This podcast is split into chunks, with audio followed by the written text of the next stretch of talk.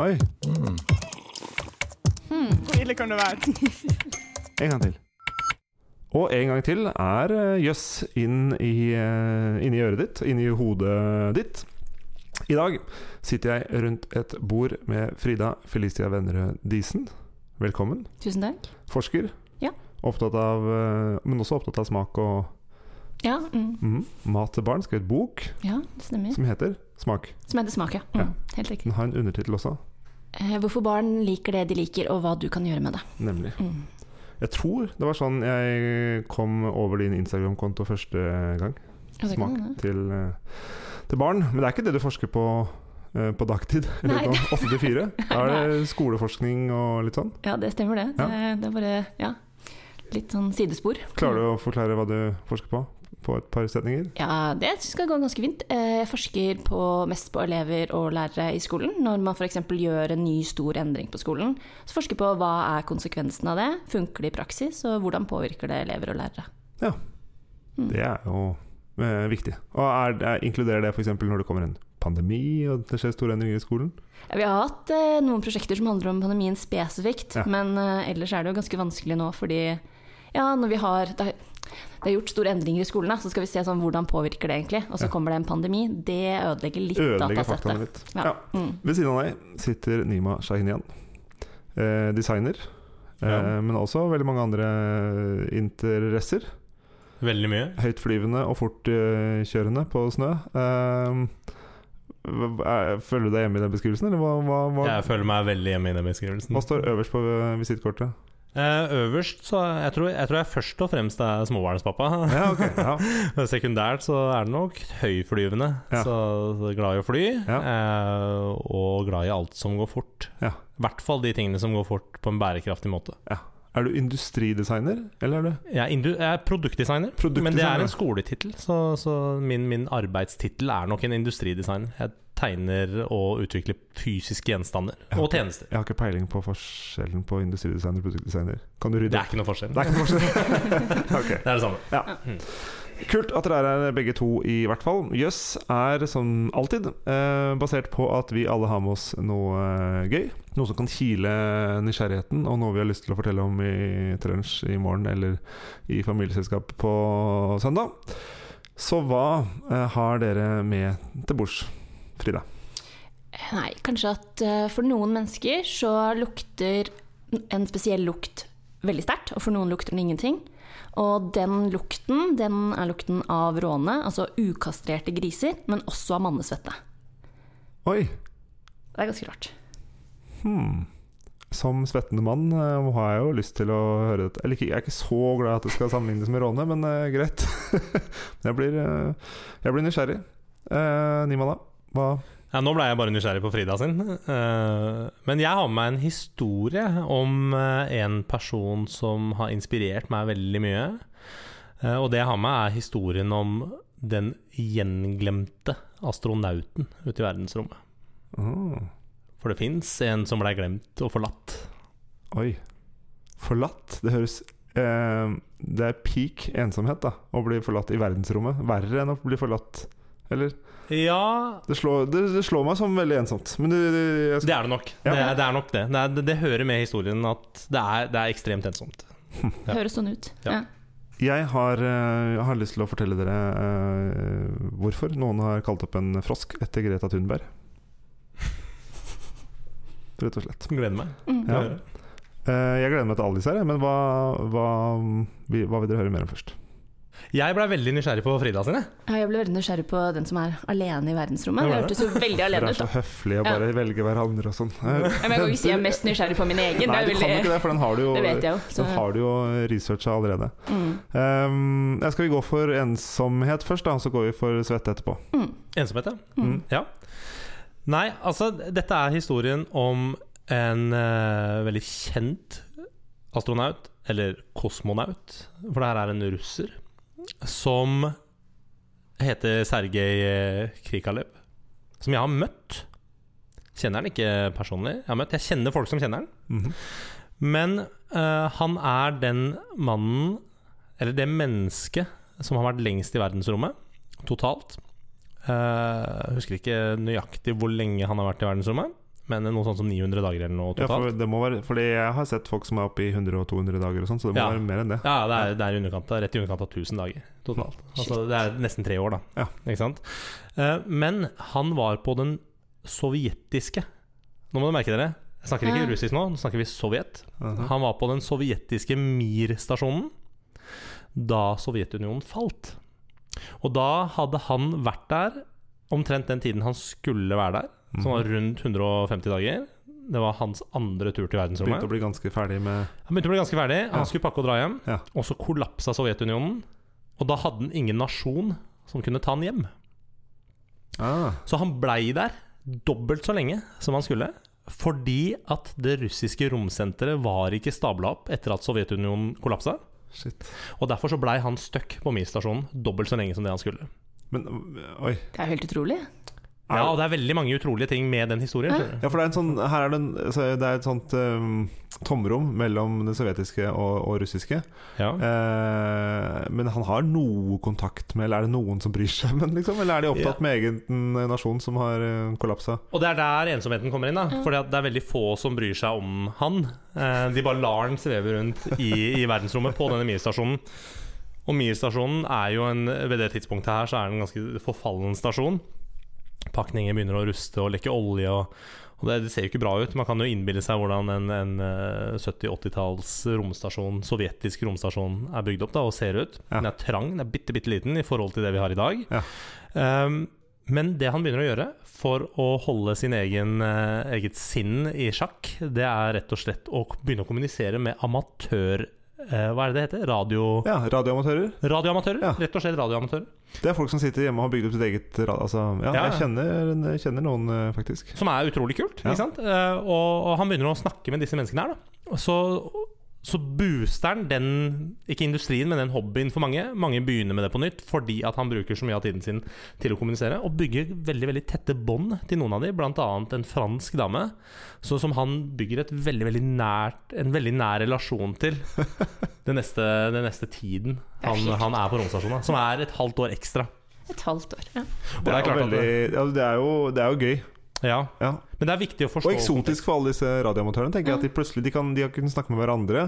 Alle har eh, ordentlige jobber på dagtid, og så gjør de, de fleste driver litt med det her på si og har noe greier oppe på loftet eller i låven. Eller et eller Og så hjem på kvelden og snakke så med kosmonaut. plutselig så får du tilgang på en kosmonaut som Ja. er forlatt. Ja. Men så er det mange, det er, det er mange andre astronauter som kommer til og drar fra romstasjonen. Blant annet en franskmann og en brite kommer til ved det tidspunktet. mens han er der? Mens han er der. Ja. Men fordi at det ikke er noe samarbeid, det er ikke booka noen seter Han kan så- ikke så er sitte på han- med noen kan hjem, ikke sitte på med noen hjem. Så det er ingen, ingen redning. Da Så han må rett og slett vente til den russiske romstasjonen bygger seg opp, eh, og sender den tilbake. Men så er det også viktig å forstå at astronauter som sendes til f.eks. ISS i dag, internasjonale romstasjonen, der planlegger man jo minutt for minutt gjennom hele døgnet, fordi at en halvtime uten å gjøre noe, det, det, føles mye mer ensomt enn en halvtime kjedsomhet på jorden. Å ja. Så man snakker om at det er sunt å kjede seg. Det er ikke for å utnytte kapasiteten her oppe, det er like mye for at folk skal holde seg sane. Begge deler. Eh, man må det, man, man klarer aldri å fylle opp full kapasitet, så, så det handler jo om å utnytte kapasiteten. Men, men når man er på internasjonale romstasjonen, så lages altså Det sies, det er myter, man vet jo ikke, eh, men det lages dummy-oppgaver. F.eks. så får astronautene beskjed om å bytte batterier i en modul, eller, eller bygge om et rørsystem, men man vet ikke om disse rørsystemene er ekte eller dummier. Og det får astronautene aldri vite, men det er sånne gjøremål bare for å ha noe å henge fingra i. da og det hadde jo ikke han Ingen hadde planlagt disse tingene for han, så det å snakke med mennesker på jorden, det var uhyre viktig. da ja, for det er faktisk ingenting å gjøre Ingenting å gjøre. I det hele. Selvfølgelig så Mm. Det blir jo et forskningsprosjekt på seg selv, sant? Mm. Eh, hvor, altså Er han typen som da liksom begynner å notere? Tenkte jeg at det er interessant, dette er noe for historiebøkene. Er det, begynner, jeg tror han skjønner selv situasjonen han er i. det, det tror jeg han gjør, fordi av alle astronauter og kosmonauter Det er ingen som har vært oppe lenger enn han. Jeg tror det er rundt 900 dager totalt. Mm. Så det er ingen som har vært i verdensrommet lenger enn han. Etter dette eller før dette? Altså, Nei, både før og etter. For ja. han, han har jo mange romturer. Okay. Eh, ja. Så han har totalt seks romturer. Så han gjør det igjen senere etter Ja dette? ja, ja, helt fram til eh, 2000 og, 2005, tror jeg. Ja. Så, bare, så han reiser jeg kan ta flere turer, bare kan jeg Ja. slippe å være aleine? Kan jeg bare Ja. få med noen? Ja, ikke sant? Og så er han jo en av de få få russiske kosmonautene som både har flydd med amerikanere og europeere. Han har flydd med ganske mange seinere og vært på Space Shuttle-reiser og har gjort utrolig mye bra. Han har vært sjef for russiske romsenteret i ettertid, eh, og er nå noen og 60 år gammel og, og still going strong. Ikke som astronaut, men som, som aktiv innenfor miljøet. Da. Og på, Det på hø- høres ut som hvis noen først skulle bli stranda der oppe, så var det ikke så dumt at det var han her. tror han var den aller, aller beste. Ja, hvis han vil tilbake igjen etter det, da tenker jeg da kan det ikke ha vært så ille. Det, Nei, det kan ikke være så ille. Men jeg syns det er en fascinerende greie. Fordi mange tror at det å dra til verdensrommet er kjempefarlig, og det er det jo. ikke sant? Man, man skyter seg sjøl opp i en mange million hestekrefters rakett eh, ut av jordoverflaten. Det er jo ganske vilt, det man holder på med. Ja. Men samtidig, når noe blir så farlig, så blir sikkerhetsoppleggene rundt også enda større. Så, så alt har en sånn grense. da. Når det piker en sånn faregrense, så blir det safere enn veldig mye annet vi gjør. Fordi at man uh, slipper ikke garden. Ikke? Man, man legger opp til bedre sikkerhetssystemer. Mm. Så det er jo veldig få som har skada seg eller dødd i rombanen. Det er jo noen, man har jo hatt noen ulykker. Men det er ikke så mange som har dødd. Uh, altså Mista livet eller skada seg alvorlig. Og sånt. det er det faktisk ikke. Uh, så det er veldig spesielt da, at, at noe sånt skjer. At en person blir glemt. Faktisk glemt og forlatt. Vet du, vet du om han selv tenkte at det kanskje var slutten, eller om han hadde sånn type tanke? Eller tror du han tenkte Åh, nå dette kommer til å ta tid, men jeg kommer ned til slutt, liksom? Ja, jeg, jeg har et inntrykk av at han er en type som holdt hodet kaldt og visste akkurat liksom hva han skal gjøre og hvordan han gjør det beste ut av Ja. Og det er derfor han er liksom min store helt. Ja. Eh, fordi at Ja. det å holde hodet så, Vi har jo en pandemi gående, så jeg Ja. regner med at de fleste har fått med seg det andre år på rad nå. og vel så det. Mm. Eh, og vi har jo kjent på hvordan det er når hverdagen vår endrer seg ekstremt drastisk. Mm. Isolasjon, ensomheten, det å miste mye av de godene som vi har tatt for gitt. Det å gå på byen og møte venner og drikke noe godt og spise noe godt. Altså, altså alle de tingene her som vi mister i hverdagen vår. da Tenk å bare miste det over natta. Vi vet jo hvordan det er, men tenk å miste det når du er på en romstasjon. Da. Helt Mm. aleine og ensom. Og i en rusten romstasjon som går i rett i underkant av 30 000 km i timen rundt jorda. Det er jo det er vilt å tenke på. Da, da må man kunne endre mindsettet sitt. Da. Og Det er derfor han inspirerer meg så mye. Ja, men tenker jeg at Det kan man jo tenke på hvis man må i isolasjon fordi man får, uh, får uh, covid. Da kan man jo bare tenke at man kommer i hvert fall ikke til å bli glemt der og bli innelåst i leiligheten sin i et halvt år uten mulighet til å snakke med andre enn de som er amatør, på amatørradio. Men så viser det også og- og at kanskje amatørradio er ganske kult i pandemien. Ja. Ja, det også. Kanskje det er det vi burde gjort? Og så er det, selv om jeg da isolerer meg inn i egen eh, leilighet eller hus, så, så ser jeg jo faktisk ut av vinduet liv, og jeg kan høre liksom musikken fra naboen og sånn. Eh, så jeg ser for meg at det er litt annerledes hvis du da er eh, noen eh, kilometer eh, der oppe og svever rundt Mm. i 30 000 km i timen, og det er liksom det Du har ikke Det er ganske langt unna annet liv, da. Det er ganske langt unna annet liv. Det er en veldig sånn, kort historie om Michael Collins, som var den tredje personen i måneferden. Eh, som var den tredje mannen som ikke fikk være med å gå på månen, men som var i kommandomodulen rundt månen. Ja. Han har tatt et bilde som heter Earthrise, eh, hvor han kommer fra, fra det man kaller far side of the moon, altså Baksiden. eller- baksiden av månen. Ja. Eh, kommer fram, og så ser han eh, jordas oppgang i horisonten. Og da er hans kamerater Da tar han et bilde av månen med jorden. Som da betyr at alle mennesker som noensinne har eksistert, er i den framen. Mm. Altså både døde og levende. Ikke Ja, det er så kult. Mens han er den eneste personen ever Mm. som har eksistert som ikke er i den framen. Da, I det Mm. øyeblikket han tar det bildet. Mm. Og det forklarer han som en sånn bunnløs ensomhet som ikke kan beskrives. Da. Jeg synes, men det er noe vakkert over det òg. Det er, det er det det er et veldig kult bilde. Ja, Ja. mm, ja, det er veldig Mer ensomhet. Ja. Eh, vi kan jo gjette på at han uh, svetta litt da han tenkte på disse, Ja. disse ensomme eh, greiene. Spørsmålet er om det lukta Råne. råne. Mm, det kan jo hende. Det, Det var forsøk på en smooth overgang til din, Mm. til din fact, Frida. Ja, nei eh, Altså Det som er ekstra fascinerende med det, er at da denne svettelukten eh, hos menn Det er bare menn som har denne typen lukter svette av den typen. Det lukter da likt som ukastrert gris. Men det som er, Er, er, fordi hvis du kastrerer grisen, så blir, da forandrer lukta Da forandrer lukten seg. Ja. Og det er derfor i Norge så spiser man bare kjøtt av ukastrert gris. For hvis ikke så vil det for mange være så utrolig ekkelt da, med den lukten. Fordi det lukter, altså jeg har luktet det selv, det lukter jo det lukter som en blanding av spy og urin. Det er veldig, veldig vond Wow. lukt. Men det som er veldig kult med det, er at hvis man lukter på det, og sånn som for meg, så lukter det da spy og urin, men for en annen person så lukter det ingenting. Oi. Og det er ganske fascinerende, men jeg tenker at det kan også hjelpe til å forklare litt grann av hvorfor det er masse folk som går rundt og lukter veldig vondt.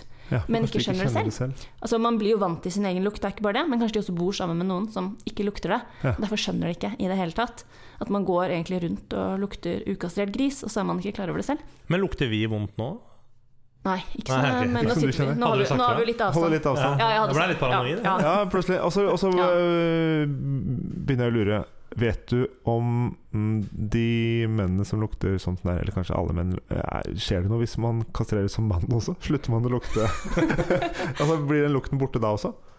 Ja, vet du Det vet jeg faktisk ikke, Nei. men det vil jeg jo kanskje tro. Fordi det er jo, det er jo, Det det er jo Men altså Det er kanskje, og det er vel forskjellige måter vi eh, steriliserer Ja. eller kastrerer eh, griser og menn, kanskje? Ja, Ja. Et, menn som er eh, sterilisert, er vel vanligere å si en De de produserer vel fortsatt noe testosteron. Ja. For det er jo testosteron som Ja, tilknyttet er dette. Man klipper bare dette. Ja. strengen som noen ja. Og jeg sier. tror jeg nok fortsatt at man kan ha den derre Men, men hvordan er det man kastrerer rånere? Er det bare fjerning av hele testikkelen?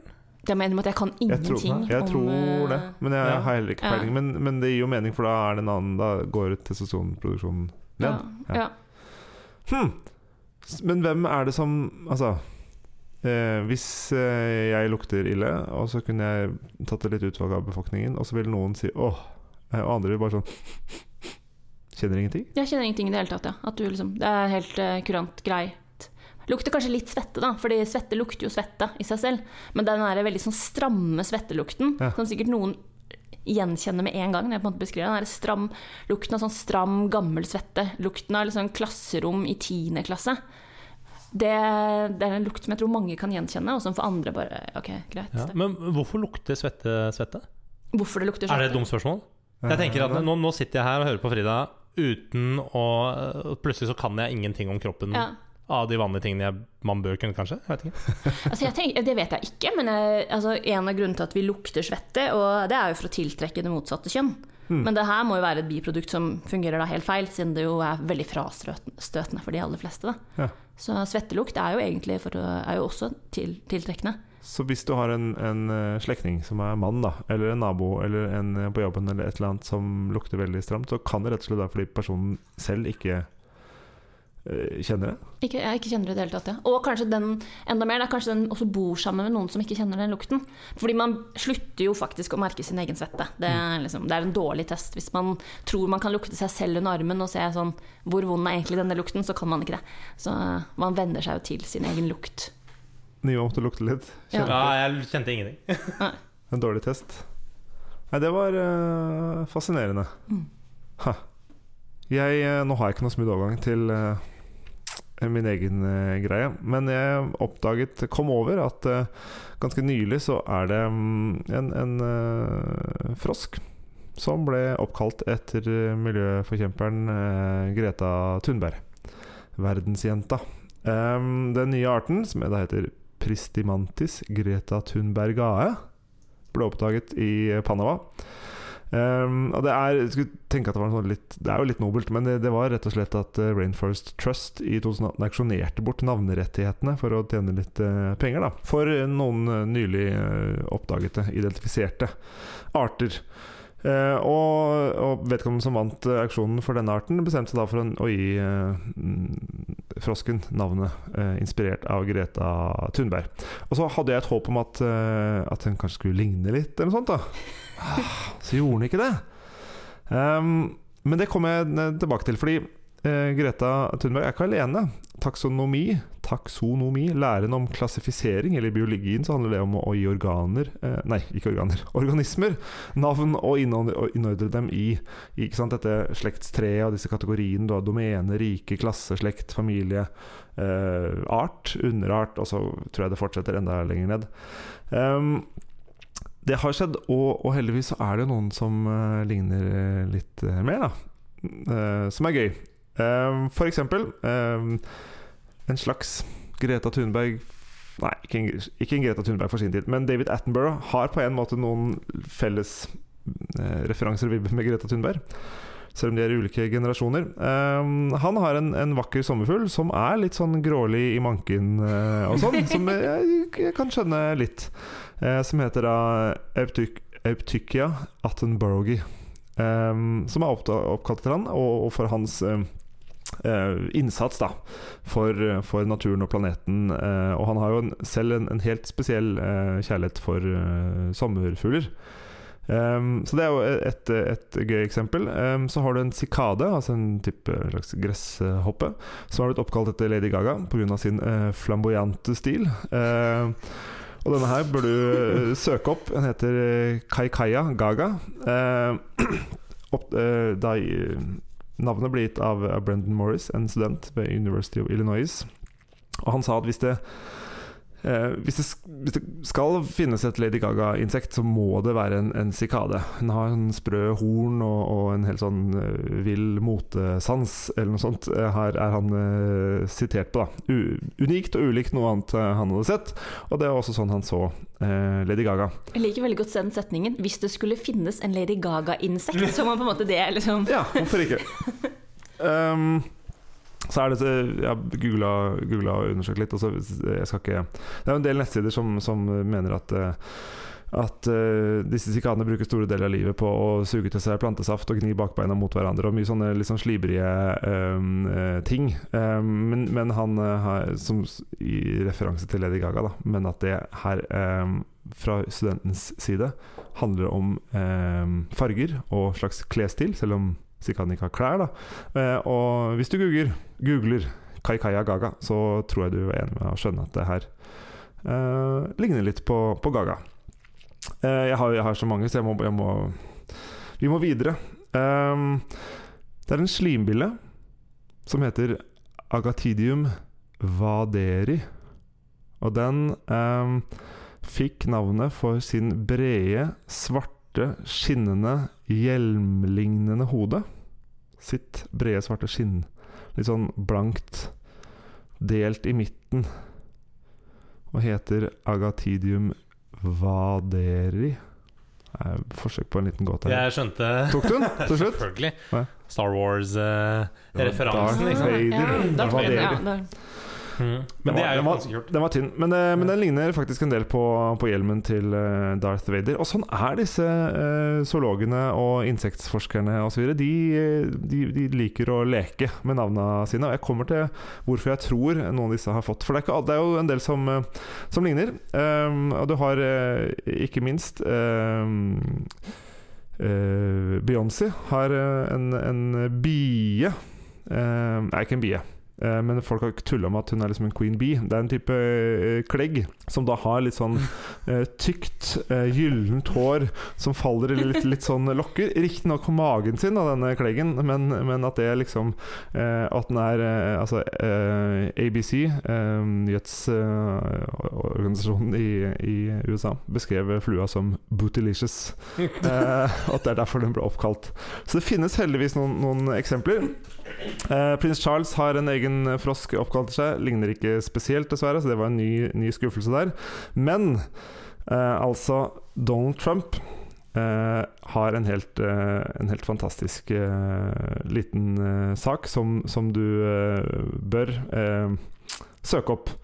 Den har da selvfølgelig en lys lugg med litt sånn skeiv, rar eh, sveis. Så har han faktisk også veldig små genitalia. Eh, men det har ingenting med, med, med navngivningen å gjøre, eh, eh, sies det.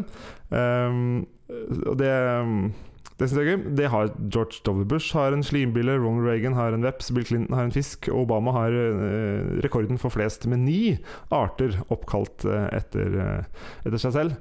Um, og hvis vi spør han som kalte opp eh, Donald Trump eh, eh, Billa Nei, ja, eh, insektet, så, så understreker han eh, at det var pga. likheten, men at han også håper at navnet vil skape interesse for arten og fremme bevaringsarbeid for nordamerikanske Nord-Amerikas forsømte mikrofauna. Ikke sant? Så alle disse som har det kanskje litt kjedelig på jobben, på laben, under lupa når de ser på insekter, og finner på navn. Det er jo egentlig et sånt rop om Hallo, kom, se på hva jeg driver med. Hva, hva som foregår her. Vi har det også gøy, selv om vi går rundt med store hoder i naturen, og så sitter inne eh, på kontoret og stirrer på bitte, bitte små skapninger. Men jeg, jeg har så mange spørsmål. Eh, men, men jeg lurer på eh, For nå snakker du om Jeg er ikke insektforsker, men prøv. Du, ja, nei, det, det, er, det er ikke forskningen, det er navngivningen Ja. som jeg syns er interessant her. Selvfølgelig. Det er det du snakker om. Mm. Men én ting er jo de David Attenborough som får oppkalt en sommerfugl etter seg som er grålig i håret. For meg så har jo han vært like gammel de siste 35-39 årene eller et eller annet sånt. Ikke sant? Eh, men hva med de Altså er det noe for, Spørsmål én. Har de noen rettigheter på de navnene? Må de søke rettigheter etter Lady Gaga og Beyoncé og sånn? Jeg tror ikke de må spørre artisten, for det er jo ikke helt like navn. Ikke sant? Du tar jo ikke navn til. Det er jo um, eh, Det er jo Gagae, ikke sant. De, de, Ja. Det er jo ikke Det er, det er varianter. Så jeg tror ikke de Ja. må Det er ikke noe sånn eh, rettighets... Eller, eller Nei, så det er ikke sånn at de må De får Disney på nakken, får Darth, Darth Vader-greier. Det tror jeg ikke, men det, det, det, det vi har snakket om i denne podden før, er at i kjemiens verden så er det ganske strenge Altså det er store organisasjoner og, og nemnder og sånn som skal bestemme hva, hva nye grunnstoffer eller nye materialer skal hete. og Sånn. Mm. Mens i zoologien og biologien så er det litt mer opp til den som oppdager. Mm. Eh, eller de kan auksjonere bort rettighetene til å, å bestemme navn og sånn. Så det er litt, litt løsere, og dermed også mer gøy, da. Men også er spørsmål nummer to. Da Og det er En ting er jo de som sitter på kontoret og kjeder seg ikke sant, og finner på de navnene. Men hva med de som oppkaller ting etter seg selv? For det er jo noen av de òg. Jeg tror Det det er er, ganske mange av de. er Ja, det det er, det er en del, men det er um, der tror jeg det er oftere at, du, at det har blitt eh, oppkalt eh, etter din død, eller ikke sant? At, det, at andre har sagt at dette var det du som oppdaget Nima, så det skal hete Nemlig. eh, Nima et eller annet. Ja. Eh, Det er litt som å få gatenavn oppkalt etter seg. ja, det skjer. Ja. Vil, du, vil, vil, du være, vil du, ende opp som gatenavn eller en plass? Hva, hva ville du blitt, liksom? Ja, eller så tenker jeg kanskje Eller at, så tenker jeg også kanskje at det er sånn at hvis du driver og skal oppdage forskjellige insekter, da, så vil du kanskje liksom vente med ditt eget navn til du har funnet det aller kuleste. Ja. Tenk Ja. sånn den slimbilen her. Og kanskje du aldri finner det. Så går Ja. Den slimhinnen her, den er Epstein. Ja. Så, Ja, ikke sant? vil Så den, vil- den vil du ikke ha, Ja, men så venter du til det liksom, du finner det aller kuleste insektet. Ja. Da skal du få ditt navn. Jeg tror det i den verden også er litt dårlig stil. Jeg vet ikke om det er forbud mot det, men det er litt sånn dårlig stil å bruke eget navn. Da er det bedre at andre, at andre gjør det.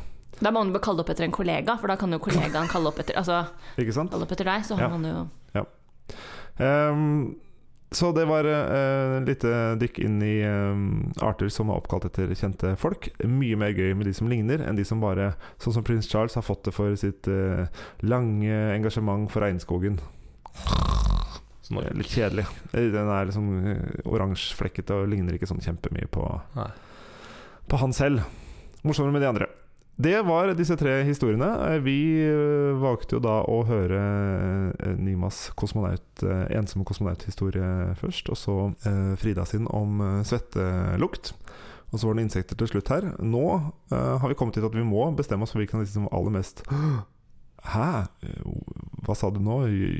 Stemmer dette? Jøss. Aktig. Hva synes dere? Jeg syns jo det kosmonaut-greiene høres ut som en film. Da. Så, altså, det har jo et narrativ og en historie. Som, derfor er den jo utrolig kul. Den tenker jeg er en veldig morsom ting å fortelle til andre mennesker. Alle vil bli veldig overrasket. Er det blitt en film? Uh, nei Burde blitt en det, film. det, burde bli, det blir sikkert en film.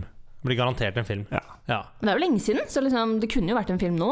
Det kunne absolutt vært en film. Han lever jo fortsatt, da, så, så man kunne jo liksom hatt han som rådgiver og fått det korrekt og sånn. Ja, Men det er man sikkert ikke så interessert i uansett. Nei, ikke sant. Men, Men jeg, jeg, tror, eh, jeg tror det er en dramatisk historie, altså. Så, Ja.